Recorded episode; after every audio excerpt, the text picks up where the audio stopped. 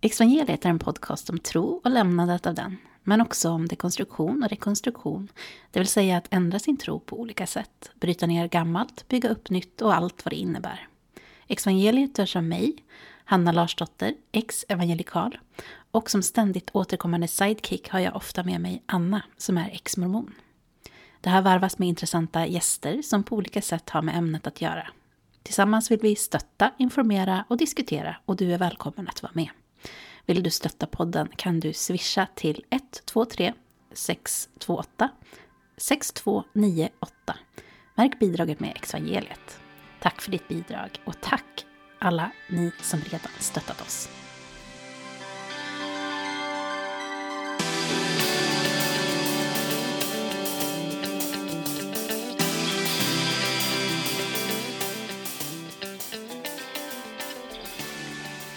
Och välkomna till avsnitt 5, denna lite utdragna säsong 4.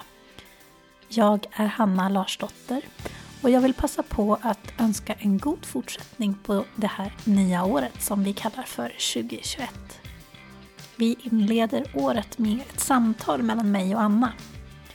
I avsnittet pratar vi om något som vi kallar för vials det är alltså små cylindrar med välsignad helig olja som man inom mormonerna enkelt kan bära med sig i sin nyckelknippa. För dig som är intresserad av att se hur de ser ut kommer vi att lägga upp bilder på vårt Instagram tillsammans med andra referenser från avsnittet. Nu kör vi! Yes! Hej allihop! Nu var det jättelänge sedan vi spelade in någonting. Mm. Men uh, we're back. Hanna. och Anna. Anna. Förlåt, jag pratar i mun på Ja, du. Idag sitter vi faktiskt och spelar in tillsammans. Ja. Det gör vi. Det gör vi. På lite behörigt avstånd. Ja. Men ehm, hur kommer det sig att vi inte har spelat in så mycket på senare tid? Anna? ja, jag tror... Är mitt fel? Jag tror det är ditt fel. Det är mitt fel. Du har Det varit i det. Jag har varit lite i det faktiskt Mm. eh, på senare tid. Men så är det ibland. Ja. Men vi har ju haft väldigt mycket aktivitet på vårt forum, Mm. Exvangeliet Community. Jättetrevligt. Så glad för alla som skriver där. Ja, superkul och det är fint att, att det finns en plats där man kan få skriva av sig lite grann. Så det är jättefint när folk um, delar med sig. Mm. Nya medlemmar välkomna. Ja. Bara höra av sig. Eh, ni får jättegärna när ni ansöker om medlemskap i Exvangeliet Community skriva svar på de frågor som eh, finns med. Eh, för att det är väldigt svårt annars att veta vilka ni är som söker och jag vill gärna ha lite, lite koll på att man faktiskt accepterar att inte komma in och försöka omvända människor och så Mm. vidare. Eh, för det är ganska ofta som eh, man inte skriver, skriver svar på de här frågorna när Mm. man ansöker om medlemskap. Eh, Och då kan, jag, då kan det hända att man inte blir godkänd för att jag blir lite osäker. Ja. Så nu vet ni det, om Mm. ni inte är godkända. kanske ska sägas då att det är på Facebook alltså. Ja, det här är på Facebook. Ja, Och det är som att söka Exvangeliet Community. Mm. Så, så Ja. kan man ansöka där om Ja. man vill. Yes! Mm. Alltså, jag hade ju en liten tanke då om vad jag ville prata om idag. Ja. Nu är jag lite taggad igen. Ja, ja, ja. Det var nämligen så att jag spelade ett gratis tv-spel. Jag är ju en gamer, Mm. om ni inte visste det. Eh, och då får man här gratis tv-spel ibland på Playstation. Mm. Eh, och det var inte jättebra, det här spelet. Mm. Men eh, det var i alla fall en, en intressant grej där i som fick mig att tänka på ett ämne. Och jag kan tänka mig att berättelsen i det här spelet utspelade sig ungefär på 1800-talet. Mm. Och i det här spelet så går man runt i en liksom smutsig stad med en massa små gränder och sånt där. Det är lite rökigt och luktar illa säkert och lite sånt där. Och i en av de här gränderna som jag gick runt i så stod det en försäljare Mm. som sålde en typ av medicin som skulle bota allt. Alltså ett så kallat snake oil. När jag säger snake oil, vad får du för associationer då, Anna? Ja, alltså jag fick ju typ inte, jag har liksom inte riktigt talat om det begreppet Mhm. förrän du pratade om det här. Mhm. Lite obeläst kanske. Ja. Nej men så att det är faktiskt du som introducerade det här till mig eh, Okej. de här veckorna. Så att, eh, Ja, shoot. Ja, det, är det fanns bara, nu, nu sa de ju inte Snake Oil i det här spelet på något sätt, men jag eh, kopplade direkt till, begreppet snake oil. Mm. Då tänkte jag eh, informera lite här nu då, för en del av er vet säkert vad det är, men vi kan gå till Wikipedia och se vad de skriver där.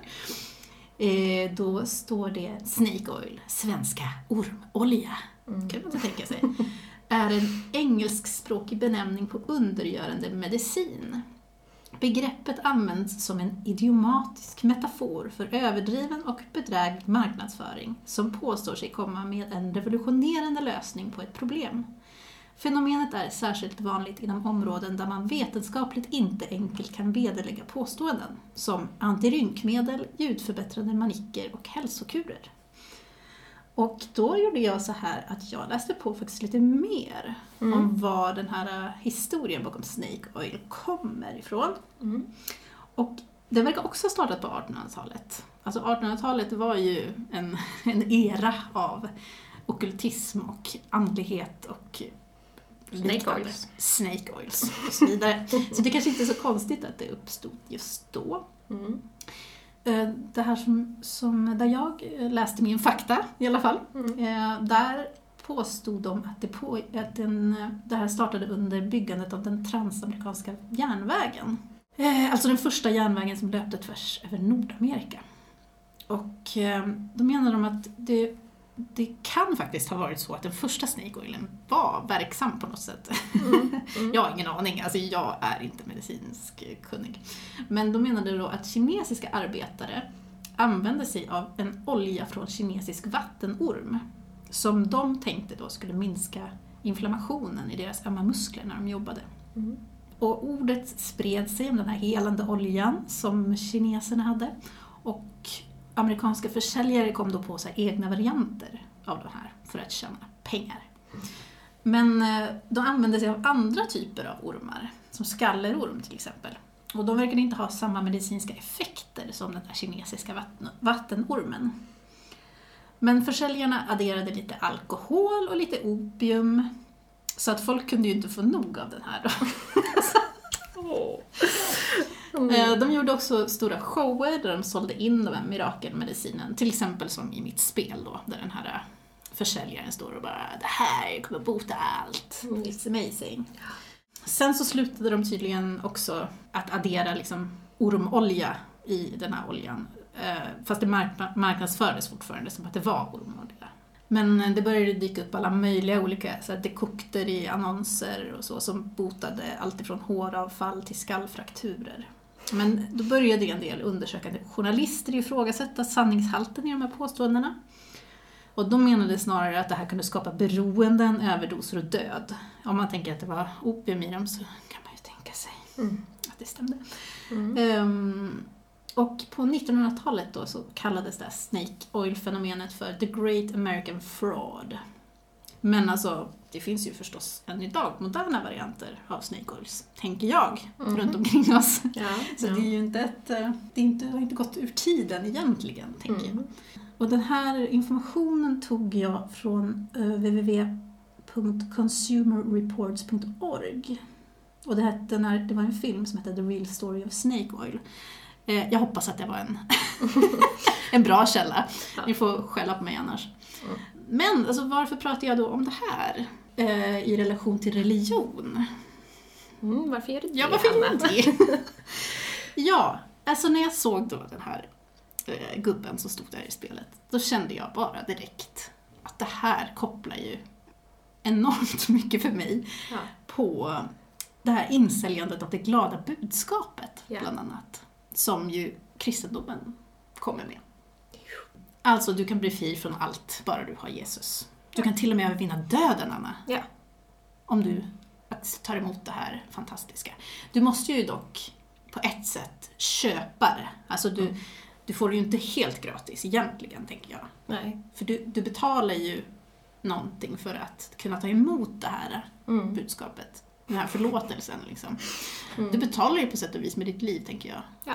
Alltså det låter ju väldigt dramatiskt, men du måste ju liksom överlämna ditt liv i, i Guds händer. Alltså det låter som att det ska vara gratis och Ja. härligt och underbart och allting. Men det är ju liksom en kostnad för det här. Ja, Alltså, det hur, är ju det. De säger att det inte ska vara det, men det är ju det. men hur, hur tänker du med, med den här kopplingen som jag gjorde? Eh, alltså i, i mormonernas tempelceremoni så säger de ju det, att man ska offra allt du äger, ja dina egna liv om så behövs för att uppbygga Guds rike. Ja. Det är liksom någonting man, wow, to. Alltså det är liksom inte helt gratis ändå. Nej, är verkligen inte. Men Alltså det verkligen framställs ju verkligen som att Det är bara att ta emot, det finns där, nåden Ja. finns där men den, Ja. det är ju inte så. Alltså det är, man måste betala tionde, man måste leva rättfärdigt, man måste vända sig till Gud framförallt. Man måste Mm. ödmjuka sig och vända sig till Gud. Det är Liksom, Det är Mm. då han kan välsigna dig. Precis, så, Ja. så ett, det kostar. Ja. Det gör det. Mm. Två, Mm. det som jag tycker det är väldigt likt Ja. är ju just det här att det här snake oil-fenomenet är vanligt inom områden där man vetenskapligt inte enkelt kan vederlägga påståenden. Ja. Så att även om du påstår att om du tar emot Jesus så kommer du att bli frälst. Mm. Alltså, det finns ju inte några vetenskapliga sätt Mm. att vederlägga att det här faktiskt händer. ja. Vad betyder frälst ens då? Ja, vad, Ja, ja, ja, var det här en fråga på riktigt? ja eller bara, så här, vad är det? vad menar man? ja, Alltså, ja, här, vad menar man? Ja. På vilket sätt blir man frälst? Vad blir man frälst ifrån? Alltså, jag Mm. menar, det beror ju helt på mm, vad den här snake oilen innehåller. Vad frälsningsbudskapet innehåller. mm, Jag tycker det finns en sån likhet mellan att det här, att bara acceptera någonting som är nästan för bra för att vara sant. Mm. Liksom. Du kan bli fri från allt, du kan bli frisk, du kommer bli fri från huvudvärk och håravfall och allting. Eller mm, du kommer bli frälst, du kommer bli du kommer inte behöva dö, du, kommer, du Mm. kan bli rik och, och välsignad och mm. hjälpt i ditt äktenskap och liksom allt det där. Alltså det finns sådana otroliga likheter där. Verkligen. Men jag tänker också att alltså, olika religioner kan ju också se andra religioner som snake oil. Mm.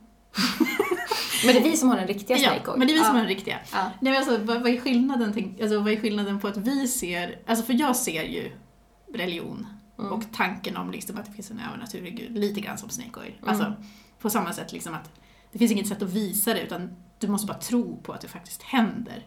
Och sen så liksom om det faktiskt händer att du blir frisk när du använder snake oil Fast du kan inte bevisa liksom att det faktiskt var det som gjorde dig frisk. På Mm. samma sätt som om du ber till Gud och blir frisk Mm. Så vet du inte heller om det var för att du bad till Gud eller om det för att du liksom bara blev frisk. Mm. Ehm, så ser ju jag på det. Men jag tänker liksom att andra religioner kan se Alltså religioner kan se på andra religioner som att de också bara är snake oil. Men jag förstår vad jag menar. Ja. Det jättesnurrigt. Men- Jag tycker liksom att det handlar om kritiskt tänkande Ja. i slutändan. Det är det jag vill komma fram till. Ja. Att inte acceptera vad som helst bara för att, um, eller ska jag säga, jag, jag tycker att det måste finnas, på samma sätt som med all medicin eller med allting em, som jag vill tro på, så vill jag att det ska finnas någon slags belägg. Mm. Inte bara så här upplevelsebelägg, liksom, Ja. utan att det ska finnas någon slags så här, men vad är det jag köper? Mm. Liksom, vad är det jag köper när jag offrar mitt liv Mm. för en gud som sägs ha dött för mig för att jag ska få liv. Evigt liv liksom. Så, ja. Ja, jag tänker just på det där som du säger, upplevelsebaserad. Alltså för att det, liksom jag tänker tillbaka på liksom den tillvaron som troende på något sätt. Alltså det var så... Eh, alltså om jag bara tänker på känslan jag hade i mig själv. Och alltid, alltid när jag pratar, det här är liksom utifrån mina upplevelser, utifrån mina tankar. Det är inte alls säkert att det är så här för alla. Men jag liksom kände att jag hade en väldigt stressad och pressad känsla i mig själv hela tiden. Eh, och jag har ju berättat i något avsnitt, jag kommer inte ihåg vilket avsnitt det är, men jag har pratat i något avsnitt om när jag fick knäproblem när jag var 16 år. Eh, jag var ute och joggade och sprang lite för fort i nedförsbacke och så fick jag ett svullet knä. Och då så fick jag handpåläggning och eh, utgjutande av olivolja som vi ska också prata om här snart. och välsignelser och allt vad det var och liksom efter tre dagar så kunde jag åka skidor. Liksom. Och det var ju ett under då i min troende värld och de runt omkring mig där. Och det liksom på något sätt så var det liksom så, man ska investera så mycket emotionellt i det här, liksom investera emotionellt i sin tro på att Gud kan göra det här för mig. Om jag bara tror, då kan han liksom. Och de som gav mig välsignelse skulle också investera med sin tro, liksom sina emotioner, sina känslor. Liksom, ju mer emotionell man är i det här, desto mer kraft och verkan får det, typ. Mm. Eh, och sen då när det blev en sån grej att mitt knä faktiskt blev friskt. Då är det, liksom, det är en sån emotionell upplevelse. Åh, Gud har liksom gjort det här, Gud har helat mig. Liksom. Men som jag berättade då i det avsnittet, det var liksom att det här var en skada som jag hade, som mm. återkom under 10-15 år. Liksom. när mitt knä svullnade upp, när det blev överansträngt och det gick alltid över på tre dagar. Mm. Liksom, utan välsignelser. Liksom, även efter att jag slutade vara troende så kunde jag få den här svullnaden och det gick över på tre dagar. Liksom, det är någonting jag har haft i mitt knä som har blivit bättre nu. Men liksom, mm. eh, och jag bara tänker på liksom så här, en sån människa som har liksom investerat så mycket och liksom upplevt som ett under. Liksom. Ja, men det blev bra med Jesus. Liksom. Alltså, för den är det ju så otroligt provocerande liksom, om det här inte var på riktigt mm. på något sätt. Mm. Eh, och så vill de ha respekt för liksom, sin upplevelse och sin tro. Och det är där det blir så svårt, för det är så okej okay, men hur, var det verkligen Jesus som helade dig? Alltså var det det? Alltså om det var det, fine. men vi har ju ganska många sådana här historier, liksom, mm. där det så här, man tror att det har varit på något sätt och så var det inte det, för att det går mm. inte att liksom, reproducera, det går inte liksom, ja men det mm. handlar bara om tro. Så bara, ja, eh, ja, det gör det ju. Mm. Alltså, men liksom var, var det ligger ja, alltså jag vill ju alltid vända på allting. Att det, liksom, det är som att så här, det eftersträvansvärda är att visa på den här starka, starka tron liksom, så att det här ska hända. Mm. Men jag menar ju på så att jag skulle hellre vilja liksom att vi lever efter saker som går att liksom bevisa och som är sant och som inte är liksom massa chimärer och massa emotionella liksom upplevelser på något sätt utan att det faktiskt, vad ska jag säga, var på riktigt. Mm. Eh, alltså, du får, du får inga poäng hos mig om du uppvisar en stor tro liksom. Det är väl det jag säger. Det, jag kommer in i rant mode och så hamnar jag någonstans. Ja. ja, nej men eh, jag tänker på det du säger. Jag menar för att jag tänkte gå in också på Sebastian Staxets eh, bok mm. som han ju har, eh, eller jag vet inte om det är han, men någon mm. har ju delat ut det här till den här boken. Mm. Jag tror att det är den som heter Bara ljuset kan besegra mörkret. Ja, den kom i min brevlåda. Som kom i din brevlåda ja. ja. Som kom i allas brevlådor här ja. nere i din, de hängde där utifrån brevlådan när jag såg det. Ja, um, varenda trappuppgång. Ja, och det där är ju ja. väldigt många som har berättat om det, att de har fått såna här gratis böcker av Sebastian Staxet. Och Sebastian Staxet eh, vet väl säkert många vem det är. Mm. Han eh, var känd som eh, Sebbe Stax och var frontman i Kartellen, gangsterband. um, men han är ju då kristen nu, frälst, mm. som, som man säger. Mm. Och eh, har ju liksom blivit en riktig eh, stjärna inom mm. den kristna världen. Mm. Eh, och jag känner ju spontant, eh, vad härligt att han verkar må bra. Mm. Eh, och har hittat ett ljusare liv. eh, jag är ju ganska van från min tid i kyrkan av just berättelser av så här väldigt miserabla liv mm. som blir fantastiska genom att man blir frälst och hittar Jesus. Så det här är liksom, jag upplever att det här är inte en speciellt ny, nytt fenomen liksom, mm. för mig. Men som sagt, jag, jag, vill säga det att all respekt till honom och hans resa och liksom, mm. good for him. Um, det som jag reagerar på är väl just, för det första att man använder den här berättelsen som mm. han berättar då, liksom som någon slags allmän berättelse för människor. Mm. Att liksom, det här har Sebastian Staxet upplevt, det här är det enda sättet liksom. Mm. det här är någonting för alla människor. Speciellt om du liksom är nere i djupet liksom, av misären och, och liksom, det här är det enda som kan rädda dig, för det var det enda som kunde rädda Sebastian Saxet. Liksom. Um, ja, vad ska jag säga? Mm. Eh, för mig blir det här också Snake Oil. Snake ja. oil. Alltså den här typen av, liksom, du säljer in ett slags budskap som låter för bra för att vara sant. Mm. Sen kan det säkert hjälpa många. Mm. Men är det verkligen det här, är det verkligen, är det verkligen Jesus som hjälper de här människorna? Mm. Om de nu accepterar det här budskapet av frälsning och kom till Jesus så blir du glad. Alltså, mm. typ så. Mm det som du säger där, alltså, jag, jag, jag medger ju liksom att människor kan ju verkligen få bättre liv mm. av att tro att någonting är som det är. Mm. Men räcker det liksom? Ja. Alltså, är det det man vill? Vill man liksom vara nöjd? Eller liksom... Jag vet inte, det, det är svårt att säga. Jag ska inte sitta här, jag har inte levt de här personernas liv, Mm. personernas liv. Så jag kan liksom inte... Det här är bara mina tankar. Liksom. För, för mig blir det som att man ersätter det beroendet man hade för drogerna med ett religiöst beroende. Mm. Och det kanske är bättre. Men kanske bättre, mindre destruktivt, destruktivt. Men det är för mig ett nytt beroende. Mm. Ja, jag vet inte.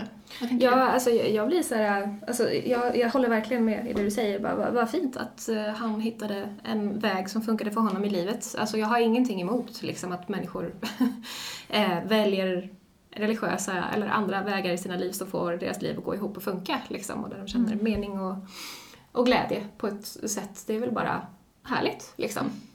Som, som jag säger ofta, alltså för, för mig så, så är ju inte Jesus och Gud och de där liksom verkliga varelser. Alltså jag Mm. tror ju inte på det. Sen vet jag att de gör det. Men jag tror inte på det. Så för mig är ju det där liksom eh, symboler och kulturyttringar och, och olika sätt att leva som tar fram vissa tankar och emotioner och liksom levnadssätt i dem som får dem att ha mer konstruktiva liv. Liksom. Och det har jag ingenting emot. Alltså, det är bara fine, gör det.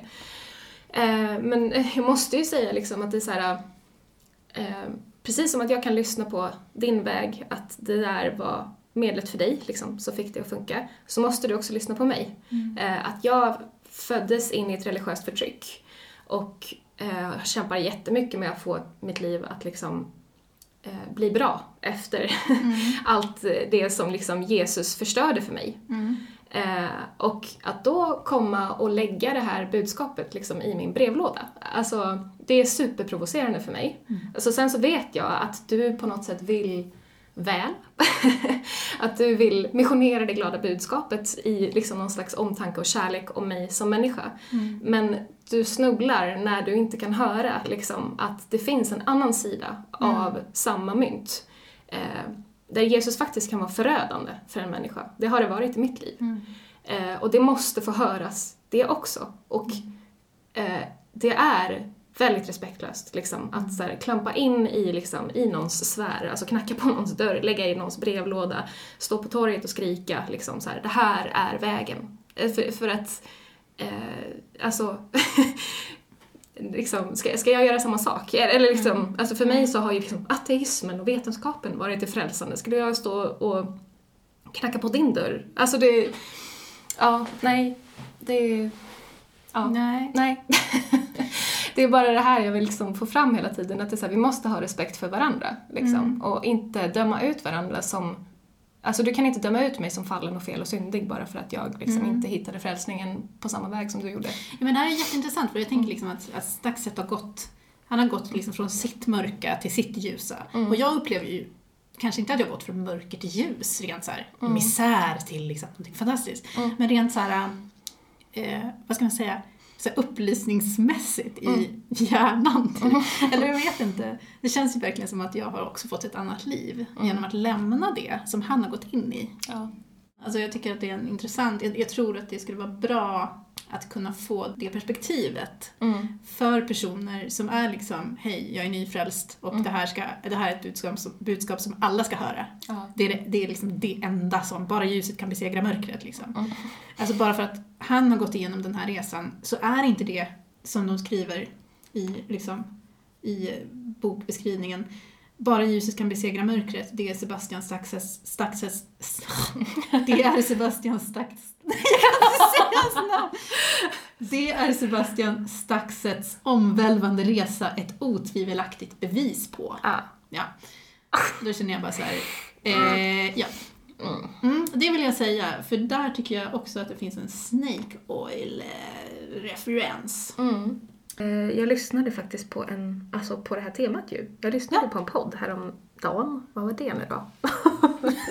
jag bara klämmer så mycket poddar. Nej men det handlade, Nej. nej, det handlade om, det var P3 Dokumentär och det handlade om, jag måste ta fram, eh, någon sån här mirakelläkare i typ Jönköping på 50-talet. Mhm. Ja, men det är bara ett exempel på en sån här snake oil förekomst. Mirakeldoktorn i Aneby. Ja men just det. En veterinär i Småland blir rikskänd när han påstår sig ha hittat botemedel mot cancer, preparatet THX, gjort av kalvbräss. Just det. Snart vallfärdar sjuka svenskar till lilla Aneby i hopp om räddning. Det är i början av 50-talet som Elis Sandberg, som egentligen är doktor i veterinärmedicin, börjar erbjuda injektioner med THX. Enligt honom fungerar medicinen, medicinen även mot astma, ögonförändringar vid diabetes och en rad andra sjukdomstillstånd. Eh, den där har jag faktiskt lyssnat på också. Ja, Eh, ehm, ja men verkligen. Och det var ju intressant. Det var ju, det var ju fortfarande många som var helt övertygade om att det här verkligen var, eh, funkade Mm. också. Men absolut, vi kan rekommendera den dokumentären. Mm. Mirakeldoktorn i Aneby, P3 Dokumentär.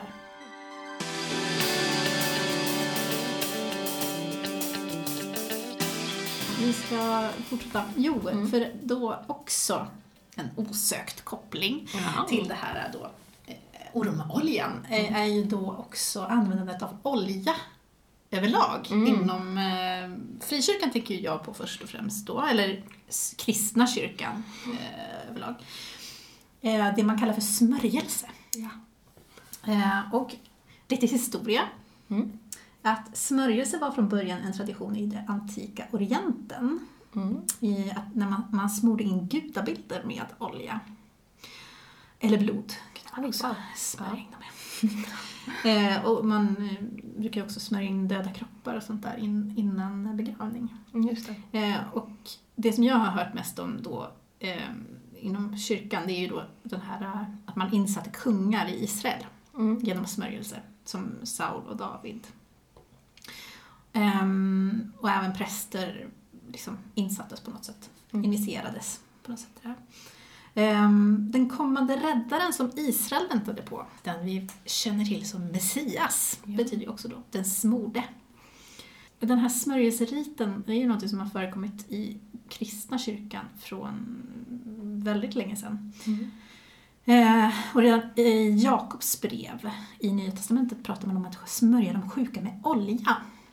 Hade ni någonting liknande i mormonkyrkan? För att i, i, i min kyrka då, så, då kunde man ju liksom det var jättebra att man hade lite extra olja så att man hade förbön. Att man liksom fick en liten dutt med olja typ i pannan eller något sånt där. Ja. När man bad för. Och precis skulle vara lite extra. Bara, power! hade, hade ni någonting sånt? Ja, ja, absolut. Eh, eh, invigd olivolja. Man tog olivolja och invigde då med en speciell slags bön och liksom allt det här är kopplat till eh, prästadömet som de säger i mormonkyrkan. Alltså värdiga pojkar över... Alltså man får den första nivån av prästadömet när man är 12 som pojke. Och sen så går det, jag kommer inte ihåg här riktigt nu, men om det är när man är 18 så får man det högre prästadömet och då får man då makt och myndighet att göra de här liksom, eh, grejerna, som att inviga olja. Så då tar man vanlig olivolja och liksom inviger den. Mm. Eh, liksom ber en bön över den och då blir den liksom helig.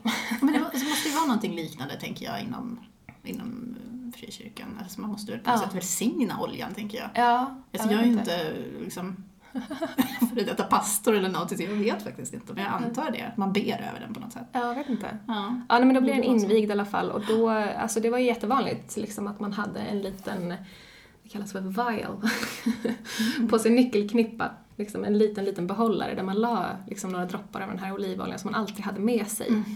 För alltid när någon blev sjuk då så kunde man få en helbrägdagörelsens välsignelse.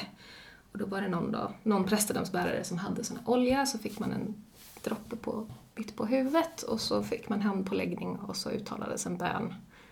Mitt på huvudet alltså? Mitt på huvudet, ja. Vi hade nog mer i pannan tror jag. Ja, nej, Men mitt på huvudet, varför, varför satte man det mitt på huvudet? jag vet inte. Det, det de skulle göra. Liksom närmast Gud på något sätt. Ja, kanske, jag vet inte. Och där la de också händerna då liksom och så fick man en Först en utgjutelse av olja och sen så en handpåläggning med en bekräftande välsignelse efteråt då. Mm. Och då talar ju då prästadömsbäraren liksom Guds ord till dig i denna stund. Ja, du visade ju de här, de här vialserna, Ja. man ska säga. Man kan köpa De dem. här, Man kan även få dem graverade med sitt eget slags namn. eh, cylindrar, liksom. Mm. Små cylindrar som man kan ha på nyckelknippan. Japp. Så roliga, vi får lägga upp en bild på dem nästan, Mm. tror jag. Ja, Kanske det- någon som blir sugen på att ha en sån där. Alltså för, för, mig så är de också så här, ja men det är liksom, eh, det är så hem... Jag är ju hemmablind på dem ja, men liksom. hade du en sån? Nej, jag får inte ha, jag var inte prästadöm, jag var inte man, Hanna. Nej, förlåt! Ah, men nej, nej, nej, nej, nej. Kvinnor kan inte göra sånt det där. är bara män som Det får bara män. Bara värdiga män. som har gjort värdighetsintervjuer och god, liksom blivit godkända. Eh, Men alltså, så här, det är intressant att höra bara, typ för mig, så här, vad är det som du finner så roligt med, alltså för jag är ju hemmablind på de här, liksom. Jag är såhär, ja ja men alla hade ju såna där. Ja, Ja. det är bara roligt att... men det är underbart, jag älskar såna där grejer. Ja, men det är som... Det är så intressant. Det är som samma sak som att vi gick runt med såna True Love Waits-ringar. Liksom. just Att man kunde så köpa såna. Det Eller, tycker jag är roligt i och för sig. Ja, men alltså, att, man liksom så kan köpa så små grejer och ha med sig och så här, ha helig olja i. Alltså för mig låter ju helig olja idag. Alltså det är så här för att du vet, det finns ju såna här televangelists och sånt där. Eller liksom som man, då sitter de där och liksom bara You can, buy, you can buy this holy oil and I will send it to you. Så här, typ, jag har bett, sen någon gubbe som har bett för liksom en olja. Och så kan du köpa, liksom beställa efter den här Mm. och få hem den liksom, och använda den på ditt sjuka knä. Typ. Alltså för mig är ju det där bara humbug. Mm. Alltså för mig är det ju bara, det är bara en olja. Sen kan den vara fullproppad med tro. Mm. Att du, du tror att den här ska hjälpa dig. Och det kan säkert hjälpa lite grann. Alltså Ja. med någon slags Placebo. placebo. Eh, det är min syn på det. Mm. Men det var så fascinerande med de här små vialserna. Mm. De är så söta. Jag vill nästan ha en sån och ha lite helig olja. Jag älskar ju sånt här. Tänk om det faktiskt fanns helig olja. Det hade varit jättehäftigt. Ja. Men det finns inte det tyvärr. Ja, alltså det fanns ju det. Det fanns, alltså det är så här, grejen är, jag, jag kommer från en värld där det fanns. Ja. Alltså det är så här, det är så märkligt att tänka på. Men, Men, det jag, var alltså, verkligen jag så. tänker att, att alla inom frikyrkan skulle vilja ha en sån där Ja. liten vial. Alltså Ja. gå runt med helig olja. För där får ju typ alla använda det. Det är Ja. inga, inga gränser liksom. Nej. Alltså förstå bara kunna gå upp på tunnelbanan bara. Ska jag be för dig? Jag har också lite helig olja. så roligt. Man skyndar sig, petar på lite så det blir så extra frälsningsstyrka. Mm. Ja, hej och. Jag tycker det är fascinerande. Ja. Roligt. Ehm, Roligt. Nej men det är kul, olja. Det, det känns som en... Jag mår också lite illa vid tanken på det, men ja. Men olja är en, en hit när det kommer till eh, helanden och av olika slag. Ja, det är, det är kul egentligen. Men- det, det förekommer också i mormonernas tempel, där har de också en smörjelseceremoni som man gör före sin begåvning då, Mm. den stora ceremonin. Mm. Mm. Du började prata lite också om eh, multilevel marketing när jag pratade om eh, Snake Oil. Ja, Varför gjorde du det? Precis.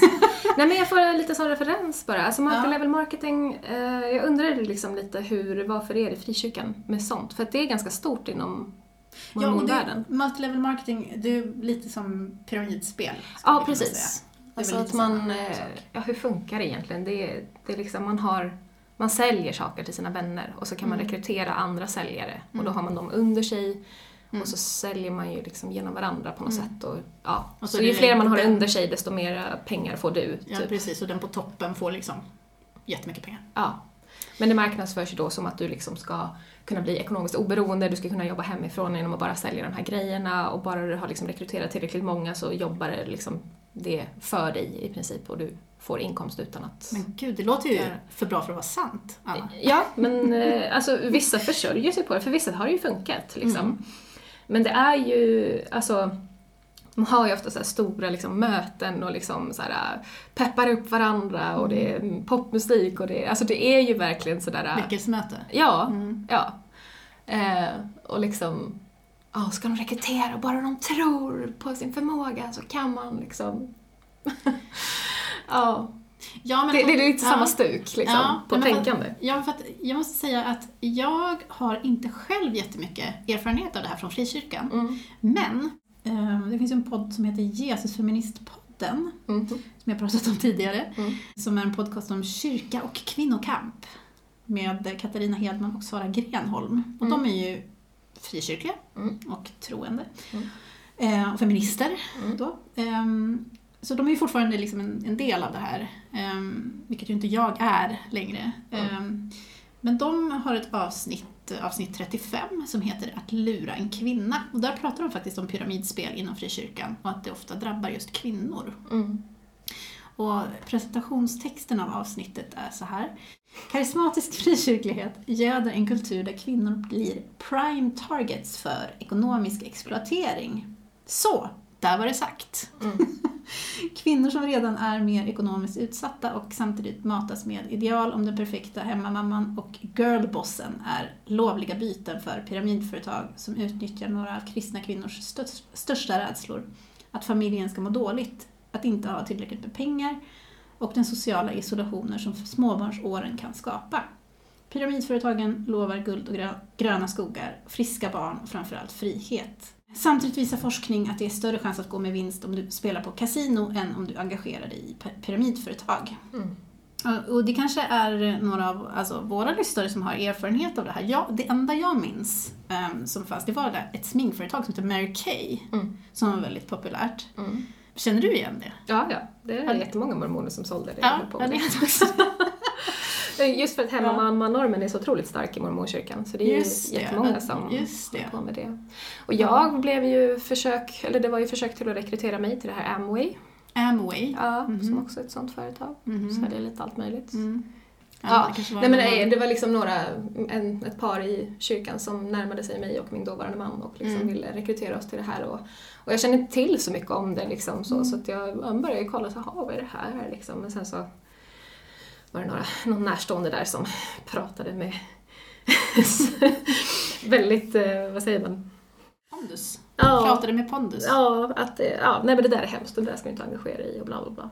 Han var så arg på det där. Så då, ja, då gjorde jag inte det och det är jag glad för. Men, men varför tror du att det verkar, det verkar ju vara populärt inom liksom religiösa rörelser att typ Mm. hamna i det här. Varför tror du det?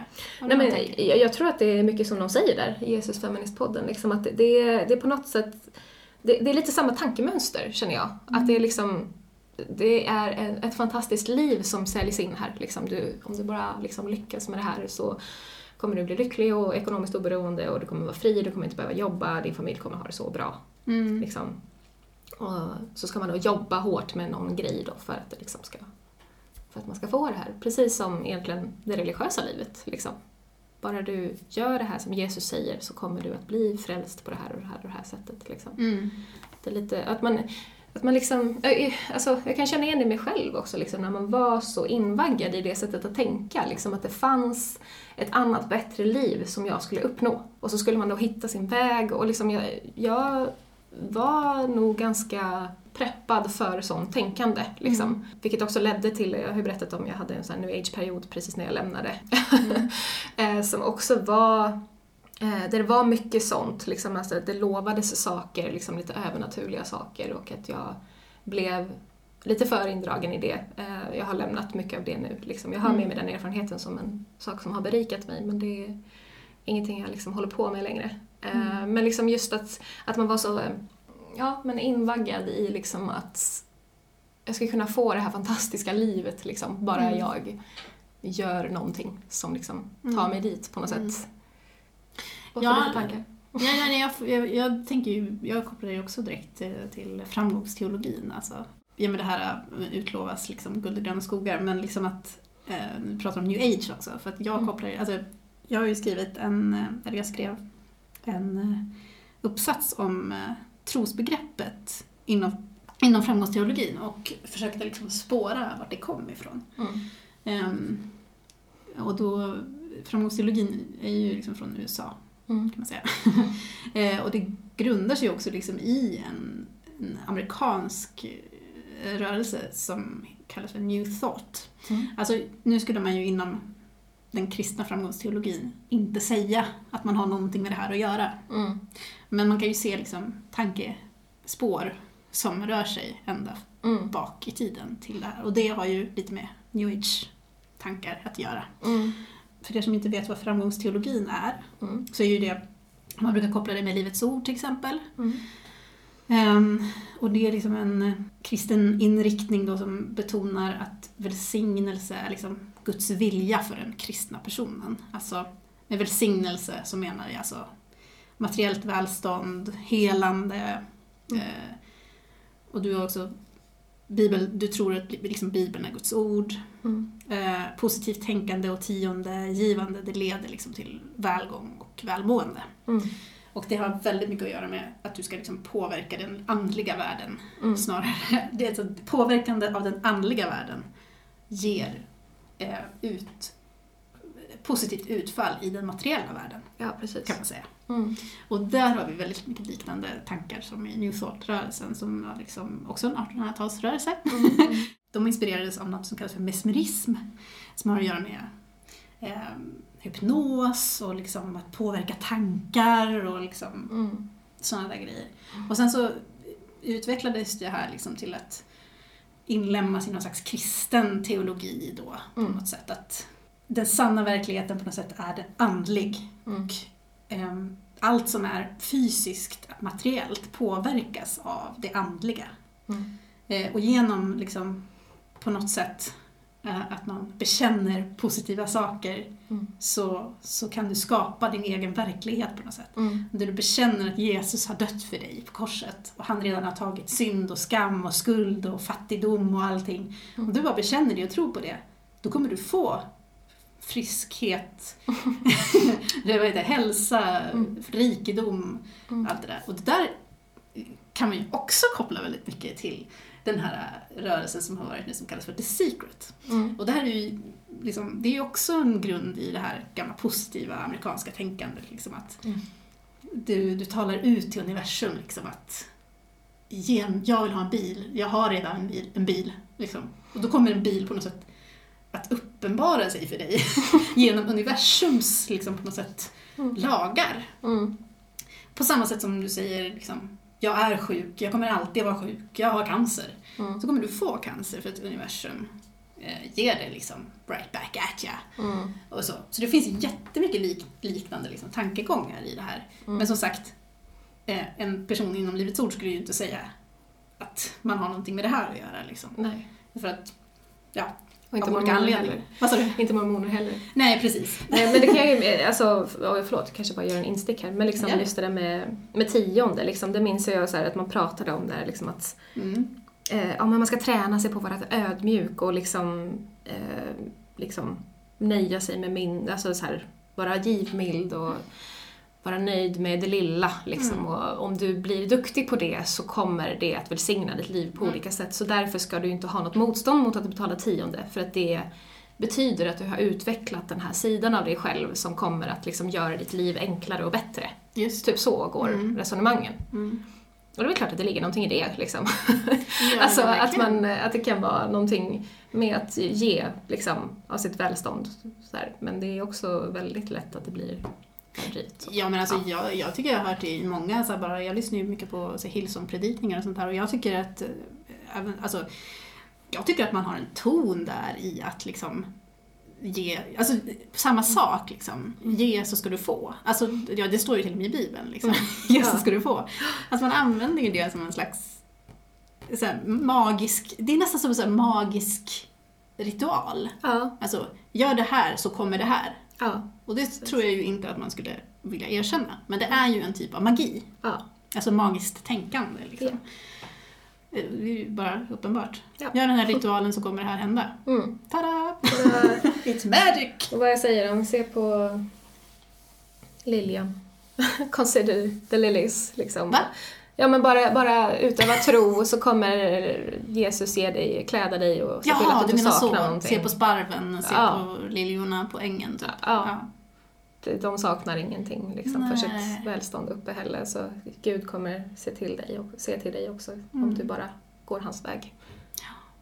Gud vad tryggt. Men det här med kritiskt tänkande som vi har gått in på lite här tidigare. Mm. ehm, vad, vad är det bra för? och vad har det att göra med, med demokrati? Ja, Anna, vad säger du? Nej, men jag bara googlade kritiskt tänkande och jag som då, som jag säger ofta, lärare, eh, pluggar till musiklärare, jobbar extra som musiklärare. Eh, nej men jag, jag är ju lite frälst på det här med utbildning, alltså för att det är ju det som har liksom fått min hjärna att börja fungera lite bättre kan man säga. Skolverket har i alla fall skrivit om förmågan att tänka kritiskt. Förmågan att tänka kritiskt är grundläggande för aktivt deltagande i ett demokratiskt samhällsliv. Den inkluderar färdigheter att kunna analysera, reflektera, dra slutsatser, värdera och ifrågasätta. Eh, ja, och så är det liksom grunden på något sätt för eh, tanken inom skolan, liksom att vi ska Mm. liksom lära eleverna Mm. det här sättet att tänka för att det är grundläggande för att man ska kunna vara en demokratisk medborgare. Vilket jag gillar. Men vad har det här att göra då med det vi har pratat om? Ja, alltså för, för mig så är det ju här motsatsen mot liksom sekterism. på, i stor, alltså inte helt liksom, men det är, en stor del av sekterism handlar ju om, tänker jag, att liksom eh, få in människor i ett speciellt sätt att tänka, smala av deras liksom, tankevärld. Ofta genom att så här, demonisera den andra sidan av argumentet. Liksom, där är Satans påverkan, det där är den fallna världen, eh, det där är liksom de värderingarna som vi inte lyssnar på, det här är Guds väg. Så som man delar upp det sådär svart och vitt. Eh, ofta att man håller, det är många sekter som liksom tar till det tricket att man håller medlemmar väldigt upptagna. Eh, man får inte tid till eftertanke, som jag känner igen väldigt mycket från mormonkyrkan. Som sagt, som en aktiv mormon så lägger man 10-15 timmar i veckan. Det är liksom det är det ditt liv handlar om. Du lägger väldigt mycket tid på att liksom vara i den här tankevärlden, umgås med sådana människor, leva det livet så att du, du hålls upptagen och får inte tid att reflektera. Och liksom ännu mera extrema sekter, de tar ju det här ännu längre liksom, och kanske kräver all tid av sina medlemmar. Eh, ja, så man fyller liksom medlemmarnas tid med argument och med den här världsbilden liksom, som ledarna önskar. Och då blir man också ett föremål, liksom man blir en... Eh, Tänkte du på något sätt att man blir, liksom att man blir någon slags behållare för ja, som ett vessel, fast det finns ett bättre ord på svenska. kärl?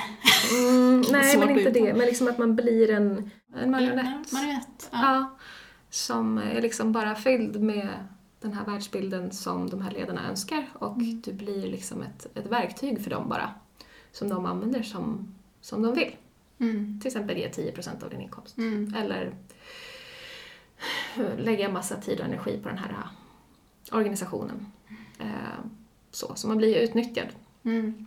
Eh, och liksom som sektavhoppare själv så känner jag, alltså jag känner ju verkligen igen det här, liksom det där livet och det tankesättet när man var så uppfylld av liksom ett, ja men ett dikterat sätt att tänka. Mm. Eh, och liksom sen gick jag i vanlig skola och liksom pratade mycket om kritiskt tänkande och jag tycker också de pratade i mormonkyrkan om att man ska utbilda sig och man ska liksom ifrågasätta och man ska, alltså så. Mm. Men det är alltid ändå liksom avgränsat till vissa ramar. Liksom. Du ska ifrågasätta men då ska du komma fram till det här svaret.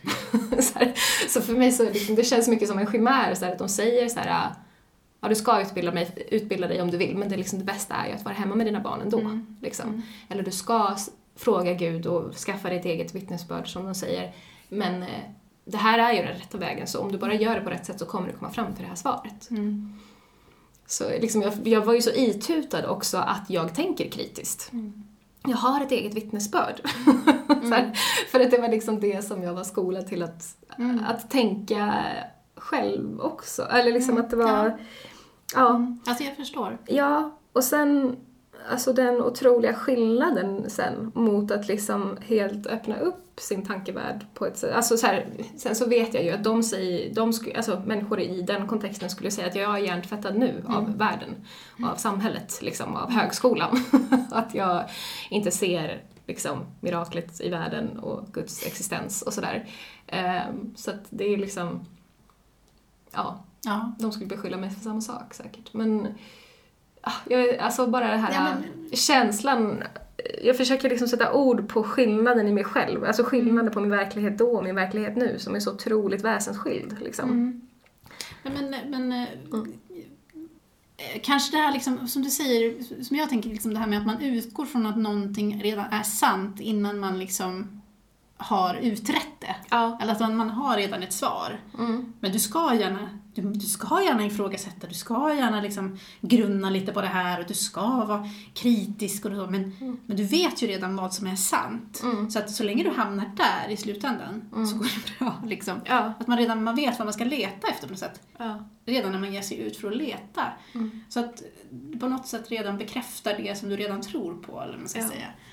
Och det tänker jag, liksom, jag känner igen mig jättemycket i det där. Ja. Men, det- men det är också så här, liksom, för, för det här, det, det känns ju lite som att vi sitter och säger, nu pratar du om sekter och det är ju beroende på vad man menar med sekt, men Mm. så här att, att religiösa människor på något sätt eh, inte kan tänka kritiskt. Mm. Är det det du menar, Anna? Alltså jag kan ju bara prata om mig själv och min egen upplevelse. Eh, och liksom se att eh, jag då, i mitt tidigare liv, som jag säger, som medlem i den här eh, organisationen då, eller kyrkan, eller sekten, eller vad man nu ska säga det då.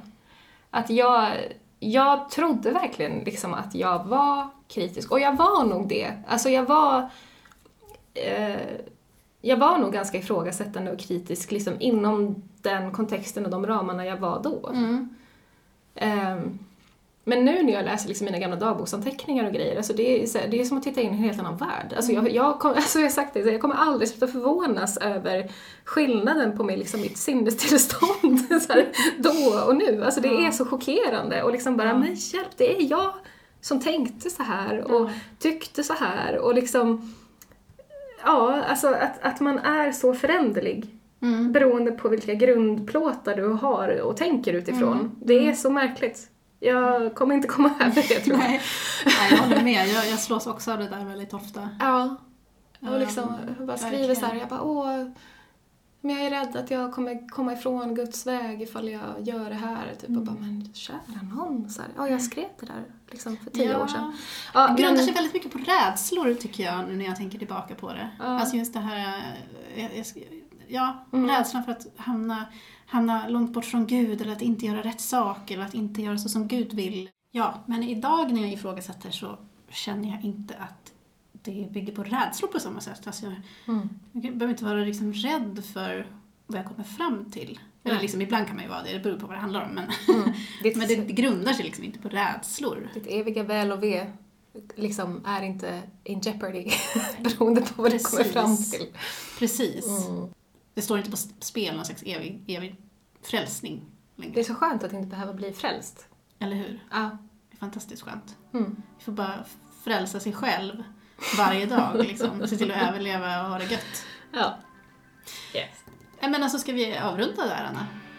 Eh, ja. Hade vi något mer att säga? ja, det har vi säkert. Vi har väl alltid mer att säga, Hanna. har vi. Vi är så, så mycket tankar. Vi har så mycket tankar så att det liksom bara rinner över och hamnar i en podd. Gud vad tråkigt. Ja, Hej och hå. hej och hå. Tack Mm. för idag. Tack för idag. Tack. Fint.